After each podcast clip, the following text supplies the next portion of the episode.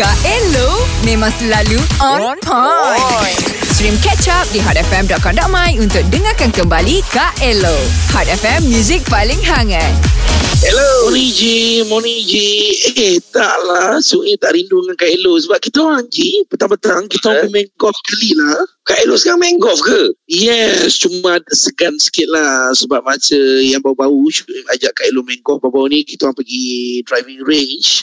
Kak Elo Okey. pukul-pukul bola tak pergi jauh. Pukul-pukul bola tak pergi jauh. Rupanya Kak Elo silap. Kak Elo tu pukul bola guna stick hoki. Hmm. kelakar lah Kak Elo ni. Aduh.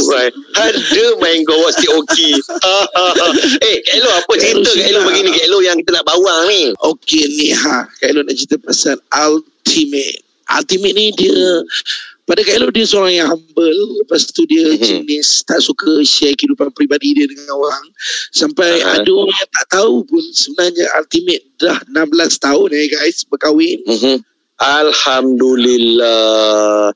Eh, dengar Ah. dengar cerita Ultimate sambut uh, ni apa anniversary eh baru-baru ni kan Kak Elo eh. Betul Betul betul betul Itu yang Kak Elo cakap Ultimate ni seorang yang humble uh, dia, Mhm. dia kata dia tak dapat nak bawa Bini dia keluar Pergi makan macam Yelah sambutan anniversary Lain-lain tu kadang-kadang bawa pergi Makan-makan kat hotel lah Bawa pergi tepi pantai lah Tapi Ultimate Mhm. dia hanya beli makanan Tapau Dia orang berkelah kat atas lantai je Beralaskan tikar Oh, macam Kak Elo dulu uh, zaman-zaman Kak Elo dengan Datuk dulu. Ha, macam mana Sa- apa nama Datuk sambut anniversary Kak Elo dengan dengan, dengan dia? Eh, sama sama sama. Kak Elo pun jenis jenis-jenis humble macam Kak Elo dengan Ultimate ni.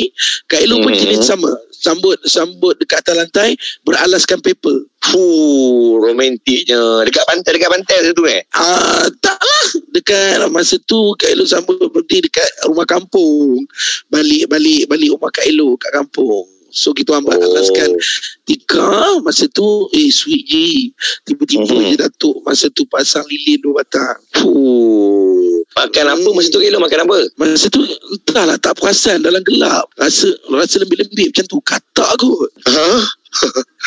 Exotiknya Kak Elo.